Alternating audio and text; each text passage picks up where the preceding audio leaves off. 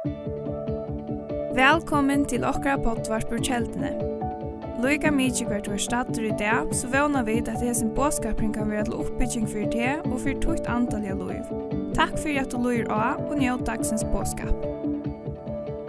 Ja, god morgon tid. Godt å røse en vittig kon. Legg an det ene for å bo i middag, ja. Vi sier vi omkring og er en møte. Bjørkvinner sier vi, men du først bare opp. Du er et husfolk, du prøver ikke introduserast. Og det er jo nok eisen i husfolk her. Jeg vil mengan her i kjattikken. Kjenner meg alltid vel heim her i kjattikken. Men alltid da man skal gjøre ting ørvise, til omgang stuttel hvis man er konservativ eller ikke. Det som man er venner å gjøre, det er alltid best. Men hvis man er god spaten, så vet man det, så vil man møte brøytingen og løvnen. Vi er ikke fullkomne, herre man slipper brøyte oss. Så takk for Judith, du kan nikka til min, så visste jeg, ok, nå får jeg opp. Vær jeg sindra. Men det som jeg får ta som i det, er nekket samband vi det som tid eisne gjør en ekbors jord som samkommer. Og til lærersvennerskap.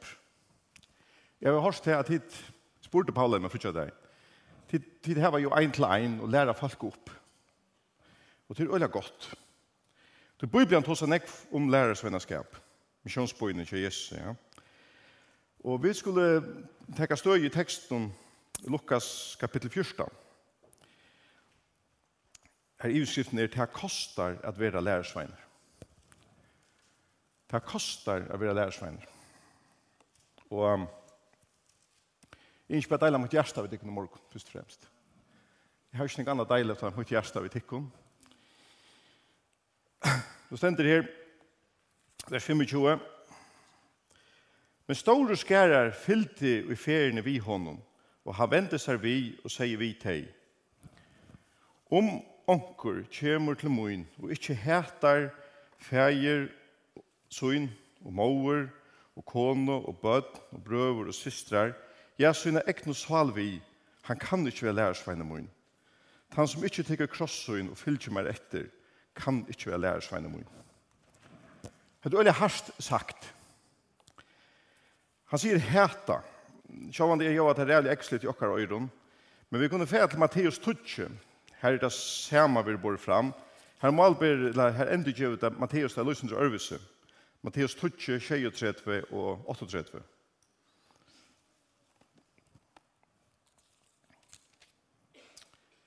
Her sier han om, man kan si at det er samme, han og jeg, og jeg elsker feir og måvor, mer enn meg, er meg ikke verdur. Og han som elsker son, eller døtter meir enn meg, er meg ikke verdur. Han ikke tykker krossen og fylgjer meg etter, er meg ikke verdt. Vi gjør en åren, hvis du ikke tykker krossen opp, bit som liv i det, vi vet at det er krossen er symbolet på noe godt. Det er symbolet på vogn, vi ser ikke en kross, men for avhøyrerne som hørte dette, jo, det er rævlig ekvislitt. Det er det samme som jeg taler i Amerika og sier, Han som ikke setter seg ut av lettiska stålen, vil Jesus etter han i svært. Hetta var jo et avrattingar ambo kjør romverju. Så åhara fjölten visste beina vegin, ups, Immanuel kjem mot loiv fullkomlig, hvis jeg skal være en lærersvein. Han som ikke setter seg ur lettiska stålen, skulle sagt til moderne i versjon. Og tog er det øyelig harsk til dem som høyra det. Som leis heter her vi at ikke at elska fæger og mor, kon, bød, syster og bror. Hvordan praktiserer man hatt det her, kan man säga? Man skal ikke hata. Du skal elska fortjene av dere. Og til det som ikke har Jesus, mener vi. Men han mener bare, jeg må være nummer 1 i tøynen liv. Det kan ingen annar komme fram om meg. Og til hørst Og ikke akkurat som bygger vi akkurat land er det kanskje nevnt at uh, til og med som Jeg sier det, jeg har haft olika latt som er i mine forhold til Jesus. Så er det veldig utrolig latt, så det er alt folk blir kristne i heimen i det. Jeg er oppvokst en god om kristne i heimen. Jeg lærte fra bandsbeinet av om Jesus. Jeg fikk enda å vite som lydel dronker at Jan Peter, «Å, han sier hva du gjørst, så lønns du gjørst det som Jesus har kattet til deg gjøre, så er det mamma og papi alltid med meg, så er det vikelig. Hugsa frals fralsi hei. Men fyrir muslim som tenker vi tryggva Jesus, hugsa familjena til honom. Kan det nekv bliva utsett fyrir? De missa samband med sine kære. De bliva avskåren fra familjene. Kvui? Du, de elskar Jesus meir, fægir og mor. Hette støvan kja nekv von kristnum i heimenon i det. De må offra en huan prus fyrir jeg fylgja Jesus etter. Til vi er fra seg seg sin egne familie. Brøver og systre. Så det er ikke alltid bare bare lukka latt. På samme måte er det områdende, men det kan ikke hende det hender ikke okkom. Og her er ikke bare særlig at jeg lager ut hjerte og, og håper de takker meg vel opp. Men det er øyelig farligt. Nå er jeg ikke selv for eldre, så jeg kan ikke ta seg fra tog. Men det Foreldre kunne godt ha ambisjoner hvis vi fyrer sine bøtt. Hei, baden kommer for ikke gjørst her, og baden kommer gjørst her. Og så drømmer hur man dreymar om bøttene. Og ikke galt jo tog jeg har dreymar og ikke om bøttene. Men vanten kan bliva. Kvært hvis batten kommer hjem og sier, mamma eller pappa, jeg skal til Armenia for å tro på her. Nei, det kan du ikke. Huksum, så slipper vi ikke så ikke om abbabøttene hvis de blir gift eller gifter. Og det kan lett kjenne foringa. Og det er bensje for jeg som vi har oppleva, ikke ni forrige at foreldrene har lagt en dempar av bøttene tog at de ikke slopper at tjene så leis som de vil. Men Bibelen sier du skal elska god Jesus først av ødel. Tog er det viktig til som er foreldre. Ta i bøttene kommer vi omkring som ligger til hjertet og til lota det av om. Vi er åpen. Du, hvis det er Herren som er lagt til hjertet, så nytt at han skal tid sier. Nytt at han Da ser man så teker han, nei, det er om kone fram.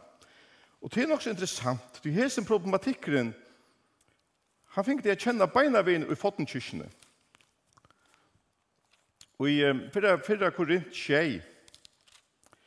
her tåsar Paulus omhendan problematikk i samband vi tjonaskillna, som kan henta. Han tåsar om en som man fer, hvis man fer vant sig kvante tjonafella, ja, eller tjonafella ikke tror, hvordan gjør man så?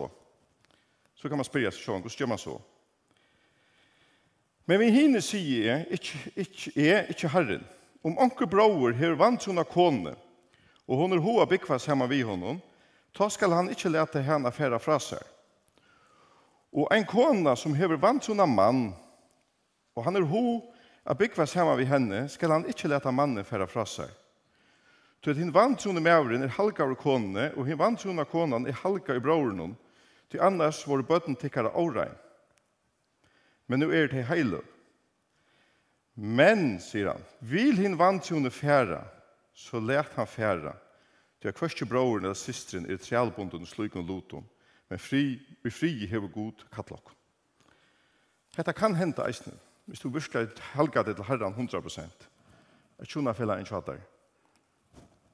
Ikke bakka det opp og fyrfra det. Harst, ja. Men det er ikke avkjent. Bibelen tåsar om etter. Bibelen tåsar om et evner tid. Eisen til trople, som i hesen føren. Så det er noen virkelig bia for tjonabond. Og bia er ikke særlig bia bøn for tikkun som her i tjonafellagen tjatar ikke er vi. At han, vi kommer må komme vi. Et Etla hvis du har opplivet til verre enn her er skilsmesse på grunn av at du at herren skal styrke det og være tjater. Så Jesus tar seg her om at feir og mor, kone, bød, han kan ikke vel her sånn. Du kvørst, eh, men så sier han hva gjør det. Du at kvør tikkara som atler, og så kommer han ved en luktnelse. Du kvør tikkara som atler er bytja et horn, setes ikke fyrst nyer og roknar ut kostnaden, om han hever noe mykje til å gjøre det livet fire. Til tess at det ikke skal vera, ta han hevur lagt grunduna, at han ikkje mentra fullfra verskje, og at alt som suttja til skulle færa spotta han og sia, hese med å sette seg fyrir bytja og var ikkje mentra fullendat. At det er en øyla problematisk støva vi roi, hevur du råkna kostnaden av vera les og lærersveiner. Hevur du, hevur du rokna, hva er pryseren av vera Jesu lærersveiner? Klarer jeg å fullføre verset? Og i Kristus så klarer du det. Men tog bara stå att vända till det som vi säger i början. Du må älska Herren mer än allt annat. Kärleiken till Kristus är det allra, allra viktigaste. Och är näka annat. En av också intressanta söv att Loto i samband med akkurat det här som jag nämnde nu. Jag var där när det europeiska i Danmark i 2013. Så delt i kammar vi en tyskare och en från Norr Makedonia. Vi är från Norr Makedonia, han tog inte väl tugst. Så vi Der pratet jeg sammen, så pratet jeg snitt vi han. Så spurte jeg han, jeg sier, to, hva kom du til trygg? Så sier han, papen min var gestaarbeider i Tyskland, gestaarbeider, som jeg for, fra fyrvendig Slavia vår. Han sier, jeg er godt nok oppvoksen innenfor de ortodoxe kyrkjene. Men eh, så vet hatt vi er som vi bor i en god evangelisk samkomma som er vidtjeie rektelig. Men de du eller var kom undansmøtt. Eller hona litt, det var godt å være her, gode fellesskaper, stått til at man ungdomsmøte vid høttene det ekva gåa sosiala samver. Og han trøyst vel. Nå er et frutja kvöld, nå kommer en evangelister at tala. Og evangelister, det her var et som det doa bæra. Det sitter folk oppa vel.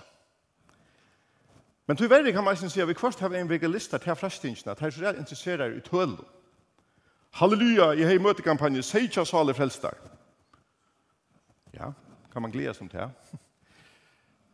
Nu er jeg skal ikke det kynisker, men tøler i seg selv om sier man omkring nek. Men om jeg ett år settene kommer til samme sted, og her framme i Seidjan Saler som er lærersvennaskapet, så sier jeg halleluja.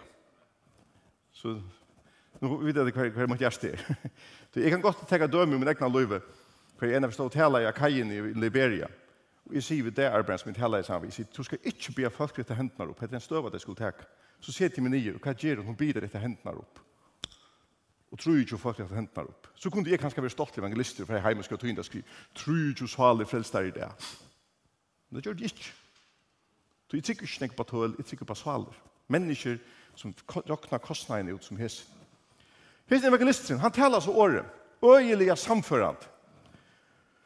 Og så blir det i makedonske vinner som er ordentlig kattlaver av møten. Og han sier så tid som jeg tenker mot Jesus, rett i hendene opp. Det er rett så hänt opp. upp. Så møter var Valiot, så får han ut till deg, Så sier han, Jo, tida tikkene som har rett hendunar upp. Vi er tilsidande, hine fer hit inn i kantinen og hyggstykken. Så får han hukti på deg öll, så sier han vitt deg, det er avgjørende som tida tidsjuk kvöld, kommer å ha avleggingar for resten av tikkene av livet. Fer nå heim og hukse om det som du har gjørst hvis ni vil mer vimmeren kommer, han var døyres nei, han sier, jeg får gråta til jeg var slik jeg synda nei. Så hikker seg mer på han, egoisten på han, sier vi, jeg sier ikke at her, to verlig enkrat unna synd, og vil kjøve til lov til Jesu kveld. jeg skal be for der i kveld. Han var, viser evangelist. Så du ser til virkelig folk oppa vel, og hette for avlengar for resten av livet. Det tog hette lukten sin her gjør mening. Hev du råkna ut kostnaden av å være Jesu lærersvein. Det kostar mer alt. Det kommer å kosta mer alt. Alt, bøkstavlig at allt. alt. Men jeg vil si at jeg har selv betalt prysen. Her til det blir en spennende fer. Løtt, tøyer ja, er det tøyer. Så sier herre, nå måste du hjelpe meg til, nå kommer ikke vi jeg. Men det er godt at vi henger av gode. Amen. Så tog seg han hvor jeg er. Etla hver konger for ut i en bardi og strøyast mot øren konge, og sier du ikke fyrst og legger rå, og man er føre fyrre vi 20.000 av møta tog som kommer mot i hånden vi 20.000. Og er han ikke, og er han til ikke, ta sender han, medan han, medan hin enn i lengt borster, sender på sted, at spyrja han om fria treiter. Kapitulera. Hver en konge er det vi møta? Hver en konge har vi tilby nu? Jesus, kongen av kongen. Og jeg vil si ett vitt, kapitulera. Ivi det bara 100% till han. För han tog kommer alt sin gott i bojen og strøyes mot god. Jag har selv haft här bare det kost. Har god att kalla mig till et eller annat. Och jag lia min knøven og sagt, god, du mener det ikke. Du kan ta ett, en, en vittnesbord som det är, jag har det bästa jag delar för egna livet och jag ska ta som sån tema till att Hvis jeg ikke vittner, eller hvis jeg ikke kan vittne om det som jeg, som jeg tåser om, så er det bare år. Og etter hvert jeg var stater i Liberia. Nå har jeg et hårst mye utvapen der, viken og nøkker hadde tås om worships. Og det, er aldri det utroligt. Jeg er et halvår siden for jeg kjip noen, og det ligger lukket nekker hjertan av meg. Det kommer alltid lukket hjertan av meg. Og ikke tog at han måtte ikke for heim. Her er det som er så løy. Herren gav gammel et starv som var et dreimajobb. jobb det var at være sjukhusprester. Jeg sitter og snakker vi folk at landet jeg. De som kjenner meg, de vet det. Det kan ikke være bedre. Sleppa småltåka at hos om lest og fast. Biblina, fotboll, you name it. Bia vi falt ikke. Det var simpelt enn det. Og bøtten vår her reisning, undervist dem. Og det var et, et starv som god gav meg. Men medan jeg er i Afrika, nå blir jeg herren at tesk i ørene meg. Og så er jeg mye om du skal hjemme til farger ikke god, nei, to tvattler. Frier, at det er en av forhandling vi kan ikke. Ikke god, nei, nei, god, hva stod sørst her, Så sørst for tørveren her, i fargen, hva skal jeg gjøre i fargen? Og jeg struttes øye litt, minst. Jeg, så sier det vi kollegaen kommer, og hon har nok fornemmelse av at jeg vet et eller annet vimmer til det, og jeg er ikke, tur. Så innan man selv, den dag. Det er hårst her han ber tale av henne. Hvorfor blir vi så innan av henne selv? Og det er ikke ordet. Det er bare etter at gjøre, vi løyen til god kallat. Så minnes det at uh, jeg er en sånn morgen satt fire rekker godstjenestene på skipene. Vi tar alltid en tøyma godstjenest. Og den låsank, altså er det ett som er lunsj det hvis vi skal til Afrika, til låsank. Afrikanske låsanker er bare noe særlig. Og jeg lette godstjenesten til morgenen, og jeg minnes bare hessa enorme nerver jag gott. Jag ser bara och grät och tårar. Jag kjente bara, ah herre. Mm, jeg vet inte när nerver nå bara. Det är det blir spett. Så fyrt han damen upp att hälla som var en del där tjåk. chok. Och en anka vi fyra bøtten. Eh, att mamma Lucy jeg stor respekt för henne. Så fyrt han upp och först hon säger Nu ska jag säga Johan, ja, herren har sagt till mig, bara inte Arne Gustafsson. Jan Peter, det är sista för jag säger vet inte förstå heim. Så fyrt han upp att hälla Det første hun sier er, it's time to go. Det tog jeg fær, vi visste ikke om det var til moen. det var ikke kyklingene. Vi gikk etter så måtte vi til skipsjøren og si om det. Og som en god fitte føringer, så tåsa vi det ikke direkte. Eh? Føringer sier, du, jeg er ferdig hjem. Nei, nei, jeg setter meg i stolen, vel til rette, sier fyren, og sier, to, Men jeg står av viring for Så sier to, nei, du er det til at skipet fyller Benin neste år. Jeg dog ikke frangst. Kjenner du knatter? Man ska finna på, att säga ett eller annat steinbort da. Jeg tror ikke frangst, men, um, men så är det hinvinn till att herren vil bekattla med vin för hemma till følger. Så säger jeg, vi skulle så det klarer mig nacka. Så hickar han på mig, så smuls han, så säger han, svärar man nu ärliga. Är det det franska, eller er det herren? Så sier jeg til herren, så sier han, er det herren, så, så er du leiskyven, så først du heim. Men jeg kom heim etter, Og ofte sier jeg til at han og sier god, hva gjør du? Og jeg sier mange ganger i herren, herre, jeg gjør det til å lytte mot det her, unge når. Og til nettopp til, vi kvart gjør det, vi ber ting og anlagt åkken å gjøre. Og vinner, vi må bare gjøre det. Gjør det.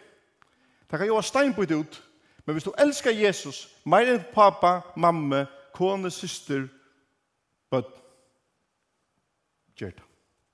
Det er det som Jesus sier her. Så sier han vi er det. Somleis kan heldur ønsken tikkere, som ikkje avsies her alt og han eier vera lærersveine mun. Hette er en øyelig ekvislig setning. Fra sier meg alt i ei. Hva betyr det? De første kristne, de seldi jo alt i 80 og delte det sunna middel. Jeg har selv strust til en spurning, menka. God, altså skal jeg innofæra djeva bilen og huset og alt ekkja mer. Du hvis vi öll gjør det, så er det öll opraktisk. Du hva skulle så få sysk for en øre? Det blir ikke til.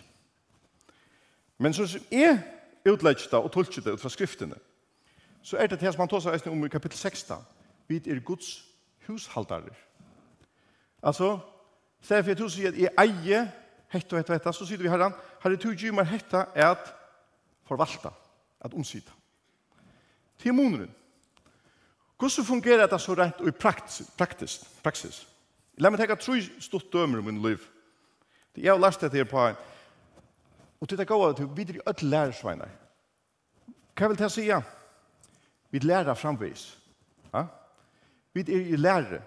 Jeg lærer ting framvis fra øren, bare fra god til sjål og beinleis, men eis fra øren mennesker som sier tingene mot liv. Jeg tror vi skulle være eimjuk og sier vi herren, herre, lær meg hvordan jeg skal leve et liv som lærersveiner. Og det er fantastisk å ha brød og syster som amen en i kærleik. Og jeg har gaven at amen at til hun ikke bare bærer, til øyla fas som du var det gaven, men det er nok som har henne. Jeg har en bror jeg kan nevne som har en fantastisk gave i amen til Alfred vi kipa, til Annik. Han har jo bare gaven, han kommer på sin milda måte. Jo, du gjør ikke som du sier, du er årløysinger. Fikk man på. Men jeg tror han er sånn myndelig til å si det, så lustar man. Så det er salvis. Så tid som han avmenninger gave, gikk ikke rundt å kontrollere folk, men sida hvis jeg godt minnet det kunne si okst. Ikke den ut nå, jeg er spent for å få en avmenning, men...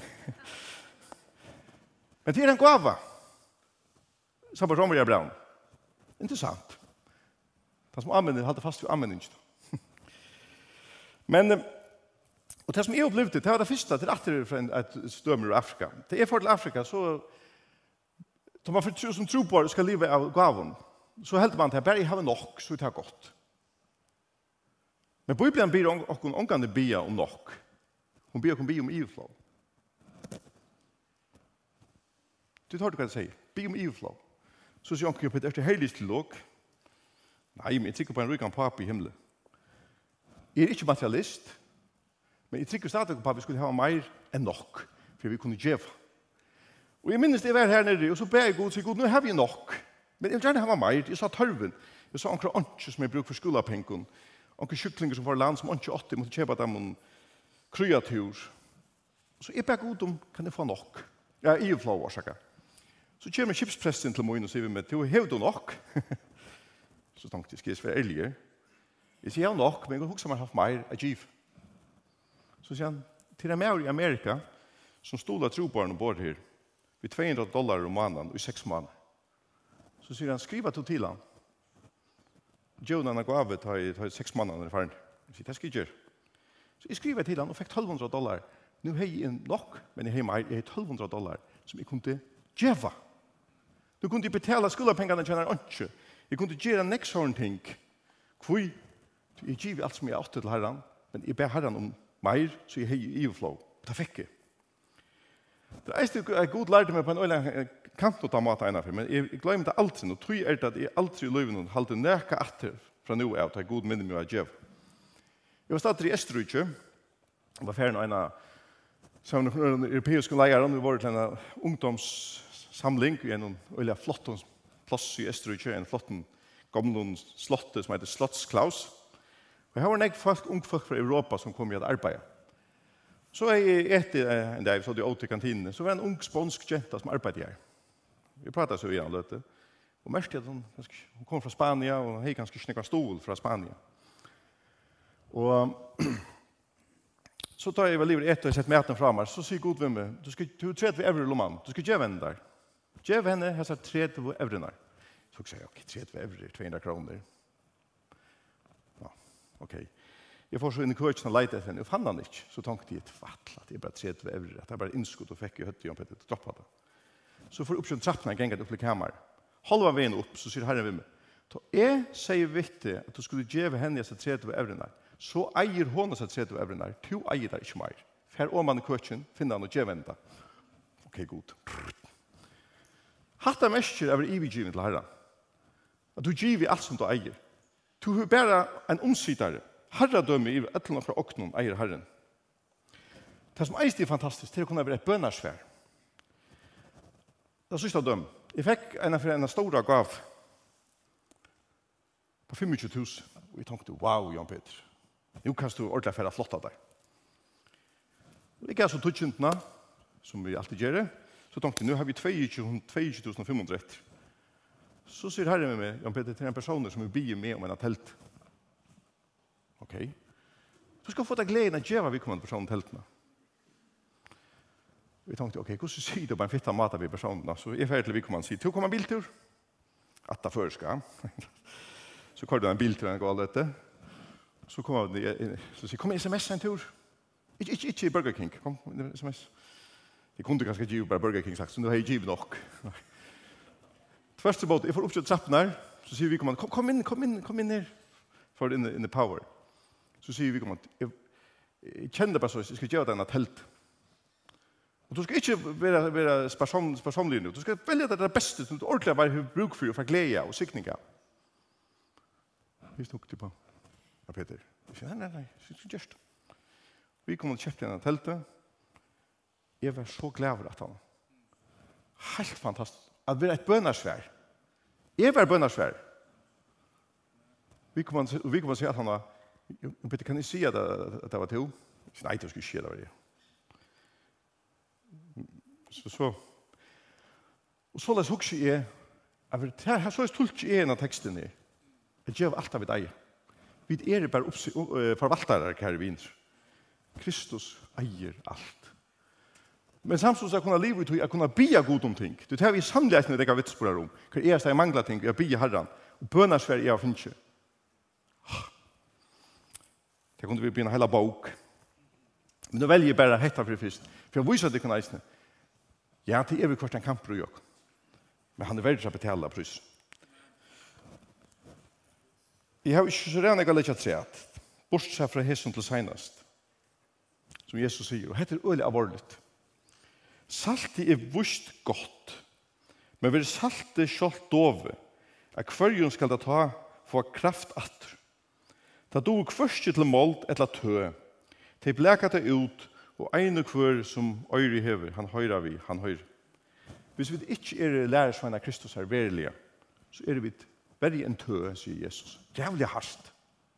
Altså, du er ikke verdt. Som lærersveiner, altså. Og hva vil det sige?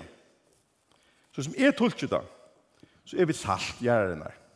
Hva betyr det å være salt? Det betyr at du gjør seg mon her som du erst. Det betyr at du sier Jesus, jeg vil give mitt liv fullt og helt til tøyen, og bære til tøyen og ångan annan. Og at du ikke gonger leitar etter å få oppgradering her som du er, men du leitar først og fremst etter, herre, kan jeg være jøs og salt for det her som jeg er i min arbeidsplass, som mennesker sutja Kristus. Jeg har en vittnesbord av knyttet til det, ikke fra på den egna løyve, men en vittnesbord som vi hørte, som vi les, eller jeg hørte det vi kommande tale om, det var Timothy Keller, Och det känner ganska att han mannen, han er präster i New York. Han fortalte det at da jeg samkommer som han er i plantaven, forholdsvis nødt, så, så, så kjente han alt det som kom i møte på en sondag. Nå er sånn det, nå er en kvinne her han møtt, så sier han ved henne, to, to er nødt her. Hvordan har du hørt om Jesus, eller hvordan har du kommet samband med kyrkene?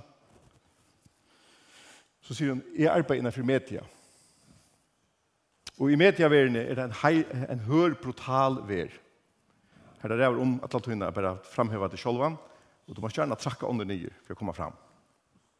Så, så sier hun det, altså. Det, det, ikke noe som jeg sier, men det er bare det som jeg hørte henne sier. Så var det en arbeidsplass i en milehus. Nå gjør hun en stor feil. Hun skulle til fund til Stjøra, men middeleieren kom vi igjen i fund. Så sier de at jeg har funnet noen, så sier middeleieren vi i Stjøra, du skal ikke køyre, sa kålen der. Så sier hun, hvor? Nei, nei, nei, jeg var leier ikke henne. Jeg har ikke informert henne rett. Så skal du køyre henne, så skal du køyre meg. Men stjåren ikke hadde visst til at det middelleieren var så donalig. Han ville ikke køyre. Så han sier vi, så han sier vi, ok, så slipper vi nær nøs, sier han vi til damen.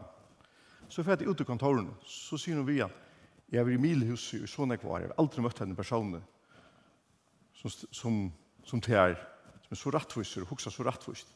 Hvor er du? Hvor er du fremme over?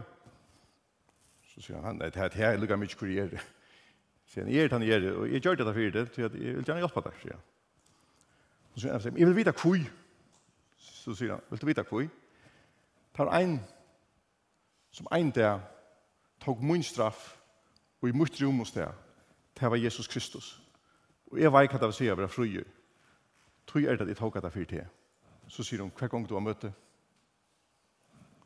Hesen vittnesbordene i arbeidsplassen taler så størst av kvinnerne at hun gav seg løy til Jesus. Tror er det så områdende at vi er salt og jøs her som vi er. Fullt og helt ivigjyn til Kristus og sier, Jesus, jeg elsker ånga meg enn til. Det kan jeg si av tikkene om morgenen. Jeg ber så innelig i morgenen, og jeg kort inn etter, kom etter, kom etter tunnelen, kom etter, etter, etter vestararmen. Jesus, vånen gjør ikke til skammer, men kærleik Kristi uthelter i gjørsten okkara, vi heila og nanda, rammer jeg brev 5-5. Og det er bare det som jeg har yngst at delt i morgen. Jeg håper ikke tid å oppfatte meg her andre morgen. Jeg har bare delt mot hjert. Minst til Jesus eier alt. Alt. Vi er forvaltere, og vi er kunne hans lærersveinar, vi kunne fylkje honom, hver enn han kallar oss. Og tog vil eisen si at hos mer kattlaver er færre ut ångstene i det verden. Og ta sikker eisen folk er så Gjev til lydelig, jeg sier bare Jesus, Jesus, takk med alle som er. Skal vi be sammen? Ja, Jesus, jeg takk deg for at du kan takk oss akkurat som vi er. Jesus, du, du, det du krever av oss, Herre, til først og fremst er lojalitet mot det her, Jesus. Kærlighet å være fullt og helt given til togin Jesus. Og her er noe bibel, du skal sikna uh, kjeltene her. Sikna til hva samkommer ferie. Sikna til uh, det som de heva her. Og de heva sånn ikke meir som de kunne sikna vi. Eisen utanfor alt og alle andre her. Bifra Times meisen heva lutt og strøymynsjene og ferie hitja seitene. At du må tala til deg her. At det verlig sitter seg nye og råkner prysen, og for jeg testa fyrir til jeg god, og fyllt til etter, til en prys som er verdt å betale. Jesus sikna til åkken vi gjør, og Jesus navnet be. Amen.